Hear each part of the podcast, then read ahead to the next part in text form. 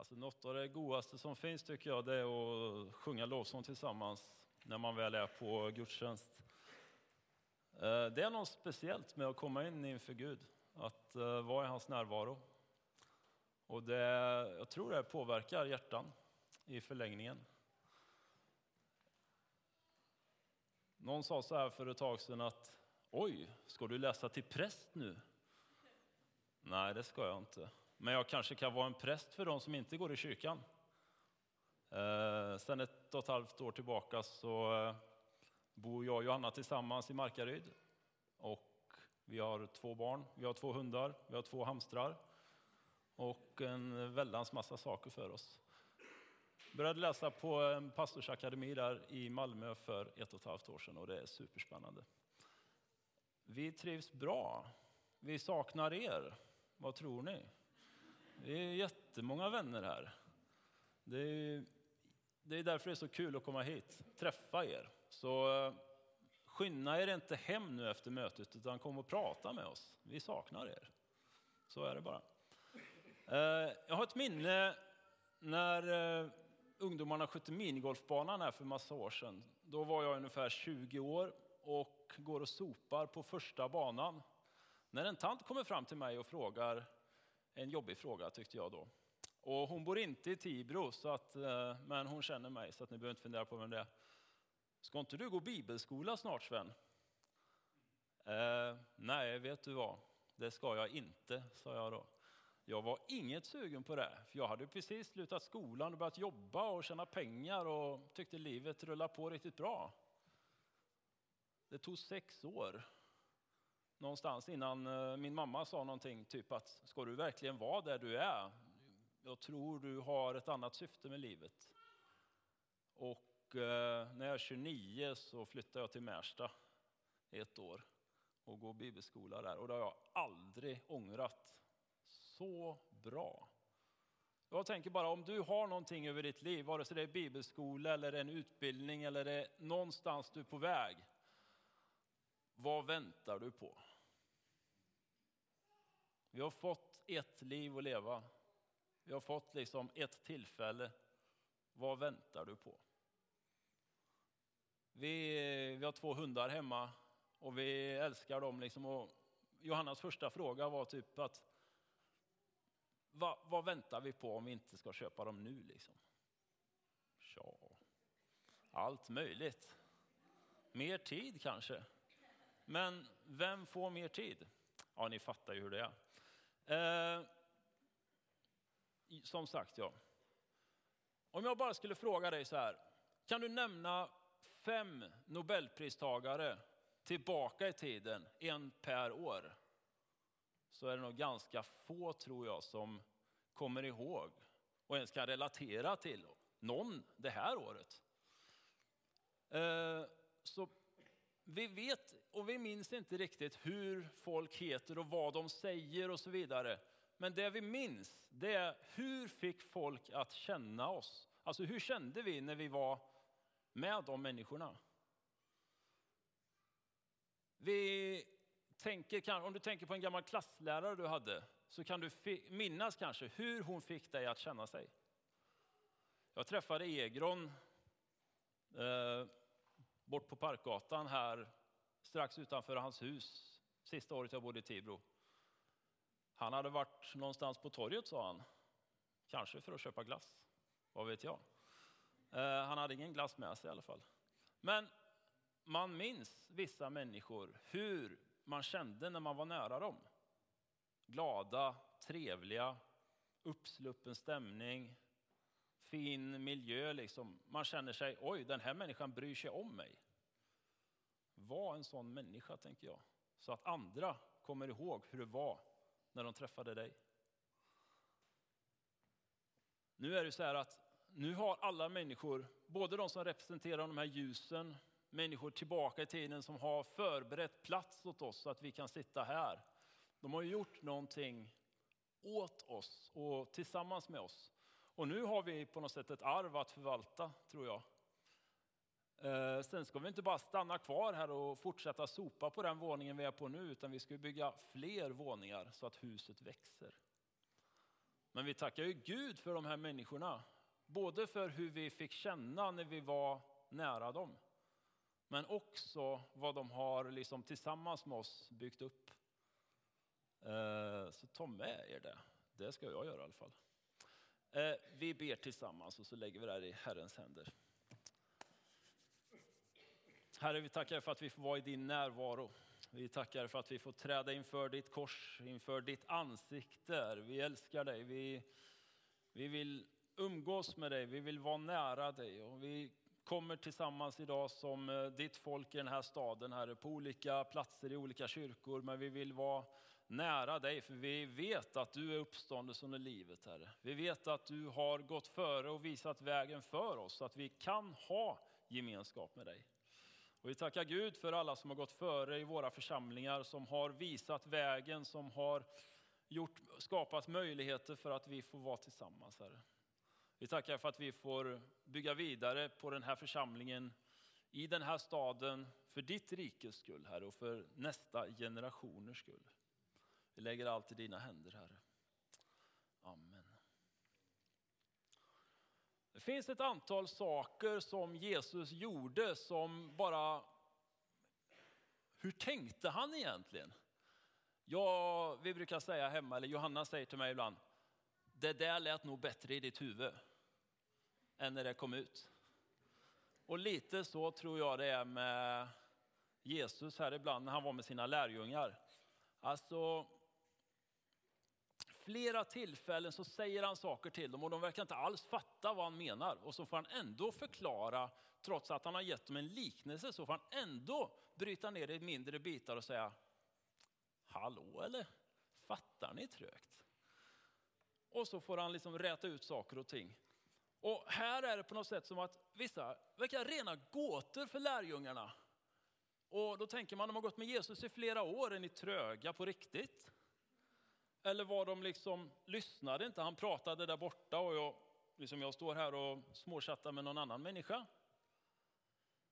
Och så, kanske är det så med oss ibland också, att vi, vi äger på något sätt världens bästa budskap tycker vi, men vi har lite svårt då, när vi väl ska berätta det för någon annan så att den verkligen fattar.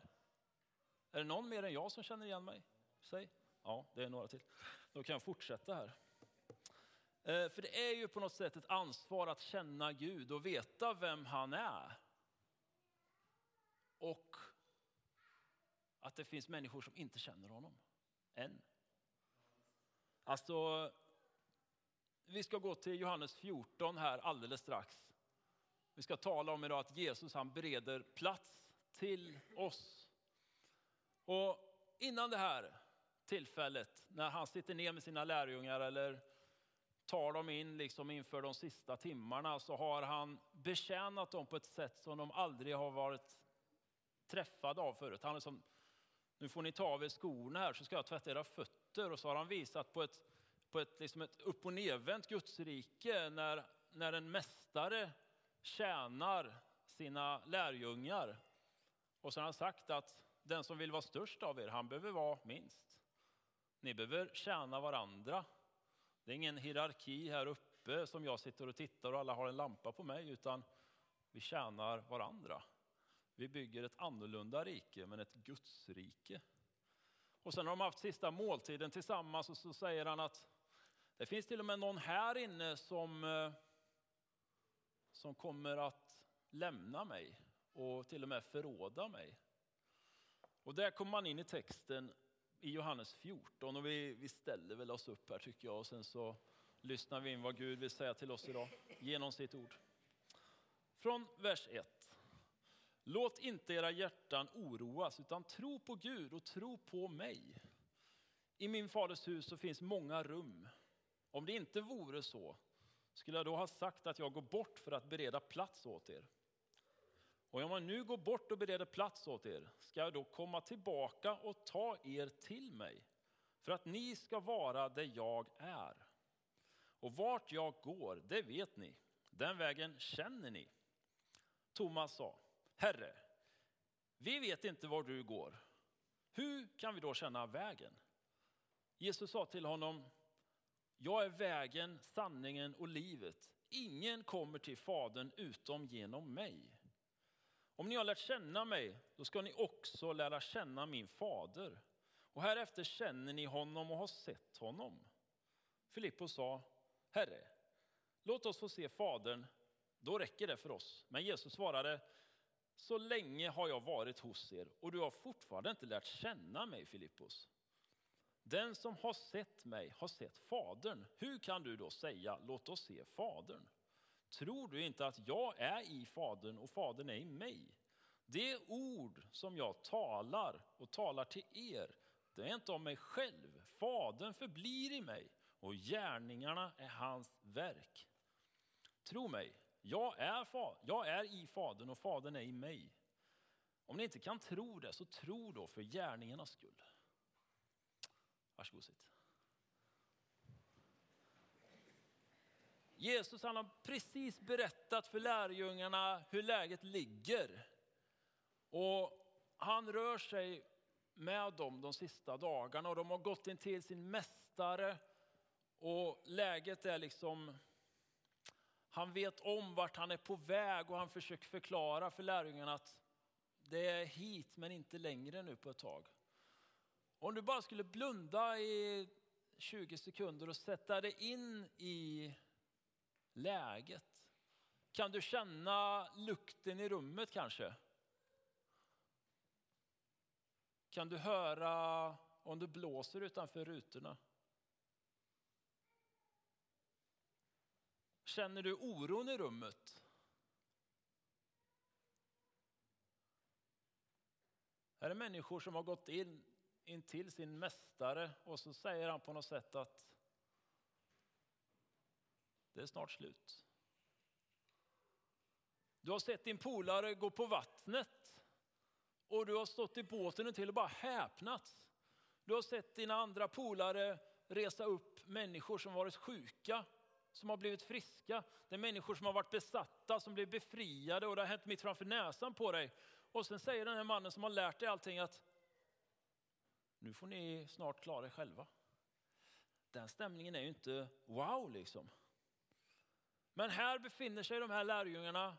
Utanför fönstren så är det fullt med olika falanger och politiska partier. Det finns fullt med avgudadyrkan, det finns grekisk filosofi och det finns lärosäten och det finns människor, olika lärare som säger att följ oss här va.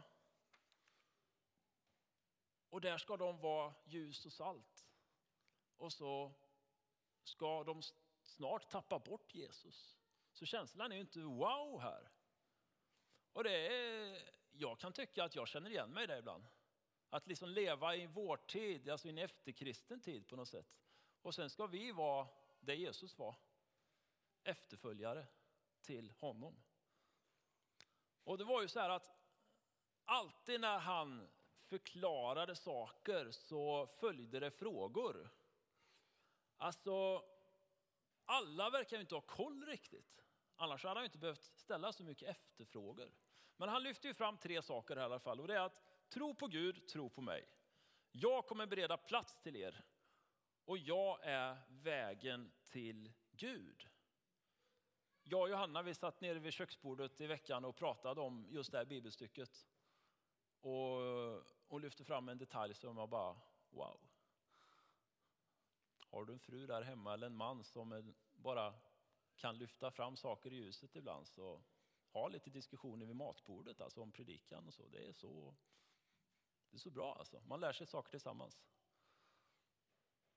För Thomas han har ju en relevant fråga här och han säger, får vi verkligen plats? Och vart ska du någonstans? Alltså kan du inte stanna här? Eh, han har hört talas om en stad som skulle klara ändamålet men den behövde förberedas innan vi dök upp. Det han egentligen säger är att det är en djupare innebörd. Jesus säger att han ska gå undan för att förbereda plats, men när han säger att han ska gå undan så menar han egentligen, jag behöver göra någonting som ni inte kan göra för att ni ska få liksom, nyckeln till porten som leder till Gud. Han talar om att han behöver gå till korset egentligen.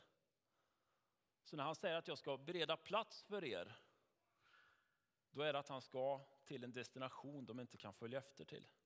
Han säger egentligen att han måste gå ner i dödsriket för att liksom begrava synden där nere och säga, jag släpper den här, den får ligga kvar, jag begraver den här, här har vi spadarna, ner med den här. Sen ska jag gå upp och sen ska jag proklamera livet. Och sen ska alla som vill hänga på mig, dit jag är på väg. Det är det han säger egentligen. Kanske att lärjungarna hade lite svårt att fatta det. Det hade nog jag också haft. Filippos, han säger liksom, kan vi inte få se Fadern? Och då blir Jesus nästan lite putt va? Du har hängt med mig här i tre år och du fattar fortfarande inte liksom hur vi relaterar till varandra. Alltså Gud talar till mig och jag kommer från honom. Vi hänger ihop, vi har liksom ett nära band. Och du har varit med mig här nu i tre år och du fattar fortfarande inte. Är du trög eller? Den översättningen finns i typ i såna här parafraser. Men alltså, se på allting som sker runt oss. Allt som händer, folk som kommer till tro, människor som blir upprättade, folk som blir helade, liksom onda andar som far ut. Ser du inte vad som händer? Lägg ihop de sakerna så kanske du kan relatera till hur jag och Fadern känner varandra. Livet vore ju underbart egentligen om det inte vore för all brustenhet som finns. Alltså vi lever ju på något sätt i en värld som är trasig. Det är konflikter, det är uppbrott, det är skilsmässor, det är trasigheter. Man märker på något sätt att det här är inte riktigt som det var tänkt att vara. Och människor snärjs på något sätt in i det vare sig de vill eller inte. Och det blir som ett nät som tror jag liksom snärjer oss. Och vi vet inte riktigt hur ska jag lösa mitt liv. Jag har ju ändå byggt mitt liv som jag trodde på det bästa sättet. Ändå känner jag mig fångad av det. Som att jag är fast i någonting som jag inte kan ta mig ur. Men för Gud som älskar människor. Han, han förstår liksom, ni kan inte rädda er själva. Ni kan inte rädda ert eget liv alltid ut utifrån hur ni har byggt det. Ni måste finnas ett annat sätt, en annan väg. Och så säger han så här att någon måste göra upp med det som har gått fel. Någon måste rädda oss bort från det. Om Gud nu är allsmäktig och god, varför finns det så mycket lidande? Varför gör han inte något åt det? Alltså, vi har ju ställt till med ganska mycket elände, det måste vi ändå erkänna. Om vi ska ha lite självdistans här. Men Gud har faktiskt iscensatt någonting för att vi inte skulle gå vilse för evig tid. Han har planen. Han har liksom nycklarna. Och han verkar genom människor och han har faktiskt redan gjort någonting där. För oss. För att vi inte skulle behöva leva resten av våra liv utan det som var tänkt för oss. Han har goda planer. Så den djupare innebörden det är att han är på väg däråt för att liksom låsa upp så att vi har nyckeln till Gud. Ibland har man hört så här att han skulle öppna vägen till Gud och då menar han egentligen nu ska, Gud upp, nu ska Jesus upp och snickra i ordning himlen här så att alla rummen kan byggas klart tills dess att han kommer tillbaka. Det är därför det tar så lång tid. Aha. Sådana stories hörde man när man var lite mindre i alla fall. Jesus dröjer för han ska ordningställa himlen först. Det ska han kanske också. Men det han menar det är ju egentligen det här att han ska möta döden, han ska begrava synd. Och då kan relationen mellan Gud och människa förenas igen. Det vill han säga till oss idag. Därför så är Jesus sanningen och han är också vägen som leder till livet. Och det är ju riktigt bra. Annars vore det meningslöst att sitta här. Men vi har ju en levande Gud som har verkat till våran fördel. För att vi skulle kunna ha relation med honom på riktigt. För att vi inte ska behöva gå i egen kraft utan för att vi ska gå i hans kraft. Det är ju sjukt bra, eller hur? Guds ord säger att Den som med sin mun bekänner att Jesus är Herren och i sitt hjärta tror att Gud uppväckte honom från de döda, han blir frälst.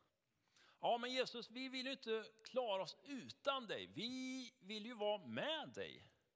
Men Guds ord säger att när den helige ande kommer över er, då kommer ni få kraft att bli mina vittnen i Jerusalem, i hela Judeen, och Samarien och till jordens yttersta gräns. Och det han egentligen säger för oss det är att ni ska vara mina vittnen i Tibro, i Jo och ända till Habo kanske. Där kan det behövas lite verk, lite kraft va? Ja, så är det.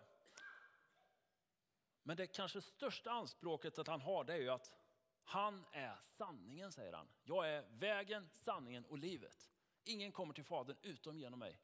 Det är inte någon universalism liksom att det löser sig nog till slut ändå. Oavsett lite hur jag har byggt mitt liv. Oavsett vad jag tror på.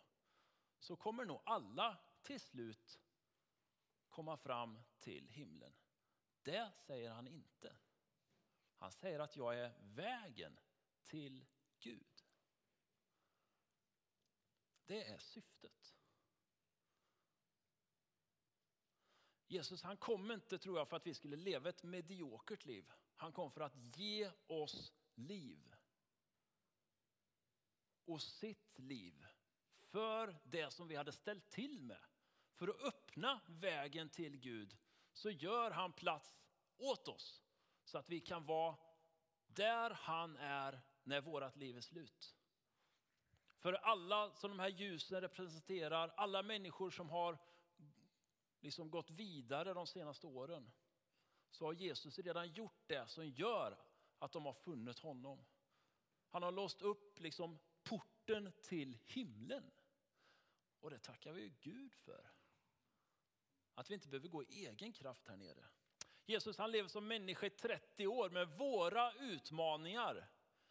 Och sen så är hans uppladdning slut. Och vad gör han då? Jo, han döper sig. Och den heliga ande kommer över honom. Så han är alltså en döpt andeuppfylld människa slash Gud. Och säger att jag tänker inte gå i egen kraft längre. Jag tänker gå i hans kraft. Nu ska jag visa er hur ni kan få leva mitt liv, säger han egentligen. Och sen sätter han igång. Så det är ett liv i ande och kraft och han proklamerar att Guds rike är nu här. Där han går fram, där har han Guds mandat med sig. Om du är ute som ambassadör i ett annat land, då har du Sveriges rikes lag bakom dig. Och du har ett mandat som backar upp dig. Inte just för att du är du, men för att du har någon som står bakom dig. Och Jesus han hade liksom Gud med sig och därför egentligen så har alla som har tagit emot honom en gudsrikesmentalitet i sig. Och du har liksom det som backar upp dig på grund av att du är Guds barn. Det har du med dig. Såvida du är hos tandläkaren, på ditt jobb, på Pressbyrån, på ICA, på fotbollsmatchen eller var du än befinner dig så har du Gud med dig. Han backar upp dig. Det är ju stort va? Så du behöver inte vara orolig. Han är med dig. Så det är som ett liv i ande och kraft som proklamerar att Guds rike är här. Det första Jesus sa när han kom till ny stad var att Guds rike är nu här.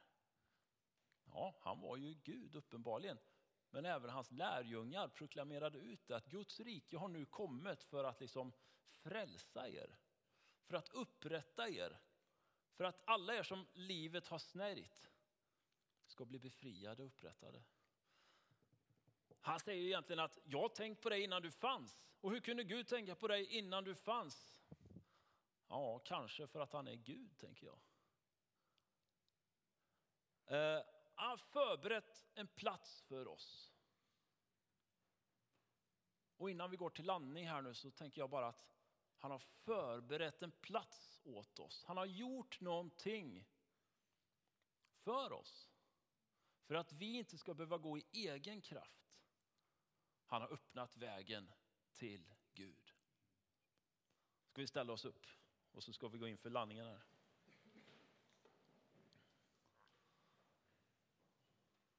Du kanske har hört hundratals predikningar om liknande saker. Du kanske vet ända sedan söndagsskolan att Jesus Kristus, vem han är, vad han har gjort, hur det relaterar till ditt liv. Men du kanske aldrig öppnat upp ditt hjärta på allvar för honom. Jag tror Gud vill ha, du, jag är på riktigt faktiskt. Det gäller ditt liv. Det gäller oss alla. För jag menar, han var döpt och andeuppfylld. Och han var ett, ett, liksom en, ett exempel på, så här klarar du livet på bästa sätt. Är vi döpta, är vi andeuppfyllda, är vi efterföljare till honom? Jag tror det spelar roll hur livet påverkas i och med det livet vi lever, i och med hur världen ser ut, så behöver vi inte gå i egen kraft, vi ska gå i hans kraft. Det är stora skillnaden. Och jag tror han också knackar på våra hjärtan. För våra hjärtan de har ju en förmåga att känna av, liksom. det är någon som bultar på. Och våra hjärtan är så unika så att de har inga svängdörrar som går att flänga fram och tillbaka, utan de har ett handtag tror jag, och det sitter på insidan. Vilket gör att det är bara du som kan öppna det. Så även om du har känt att han har knackat på där, så väntar han ändå tills du öppnar upp ditt hjärta. Vissa saker behöver man se för att tro, men en hel del saker behöver man tro på för att få se. Vi ska gå vidare med lovsång och tillbedjan strax, så ni kan komma fram och göra er redo. Men jag tror Gud knackar på hjärtan idag. Jag tror han kanske har knackat på vissa av era hjärtan väldigt länge. Och jag tror också att du har känt det här. Men det kanske är dags för dig att fullt ut öppna ditt hjärta för honom. Han som är vägen, sanningen och livet. Han som är livslevande idag. Han som har gett oss möjligheten att lära känna honom. Beteendevetare säger just nu att vi är den mest egocentrerade generationen någonsin. Och det påverkar inte bara unga människor utan även äldre människor. Jag tror Gud vill lösa oss från detta. För när vi går inför hans tron och inför hans ansikte så gäller löftena dig. Löftena kunna ej svika, nej de står evigt kvar. Därför lutar vi oss på Guds ord just nu. Och vi står på det oavsett om vi är osäkra på framtiden så är det ändå löftena som inte kommer svika oss. Därför kan vi stå på det och sen kan vi proklamera Guds ord före våra liv och in i våra liv. Därför är min enkla uppmaning, har du det klart med Gud?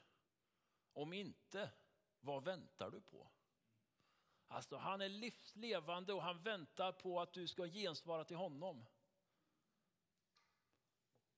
Om du vill så be tillsammans med din granne eller du kanske buffar på honom och säger att du kan inte vi gå fram tillsammans, jag är lite blyg jag... Eh, och så vidare. Det finns människor här som har förberett sig för att de vill lägga sina händer på dig, som vill, de vill välsigna dig, de vill tala tro in i dig, de vill tala liv in i ditt liv. För att du inte ska bära livet på egen hand utan för att du ska gå i hans kraft, i hans uppståndelse. Han som har öppnat dörren till Guds hus. va? Det är för honom vi lever och det är för honom som vi bygger kyrka. Han säger att Guds rike är nu här. Det sa han på Bibelns tid redan. Guds rike är fortfarande här. Vi är en del av det. Det påverkar oss. Det kommer leda oss genom hela livet. Så vi kan träda inför hans ansikte när vi vill. Vi har liksom access till himlen, vi har access till det levande ordet. Så när vi är inför Gud nu så riktar vi våra blickar till honom, han som är liksom trons upphovsman och dess fullkomnare. Han som har liksom tagit hand om våra liv. Jag tror ändå att jag talar till några av er som behöver liksom öppna upp hjärtat fullt ut. Du kanske har gläntat lite på dörren och du har sett att det finns ljus där utanför. Men vi behöver öppna våra liv för honom och säga, Herre, här är jag. Kom och ta min ofullständighet. Visa mig dina vägar.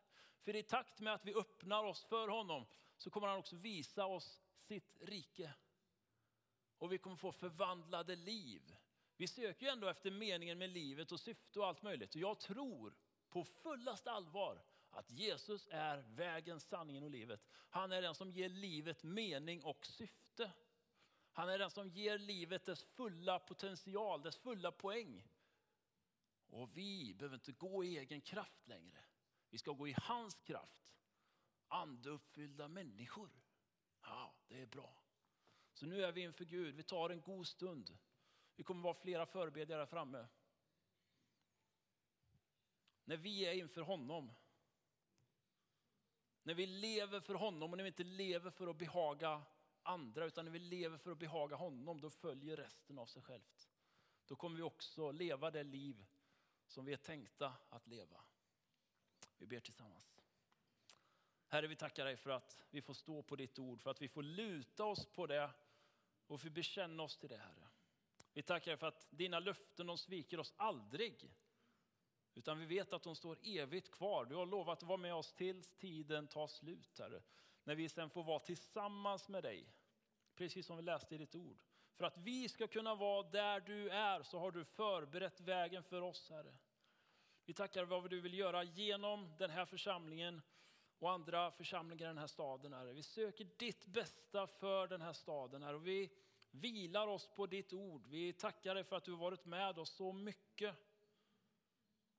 Vi ber också att du kan rädda oss från ondo. Att vi får öppna upp våra hjärtan fullt ut för dig, Herre. För vad du har i ditt ord, vad du har i din tanke till oss. Herre, vi lägger våra liv i dina händer. Vi ber om ditt goda för vårt liv.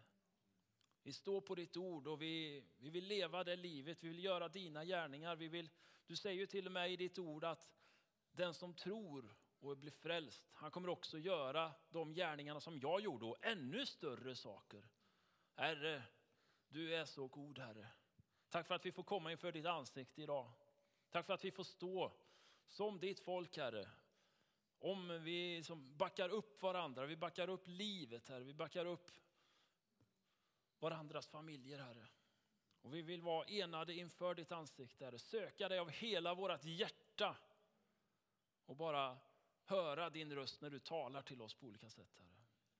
Tack Herre för att vi får lovsjunga tillsammans med dig, får minnas vad du har gjort för oss, vem du är och vilka vi är på grund av dig Herre. Vi älskar dig Herre. Tack för att vi får leva våra liv tillsammans med dig Herre. I Jesu Kristi namn. Amen. Varsågoda.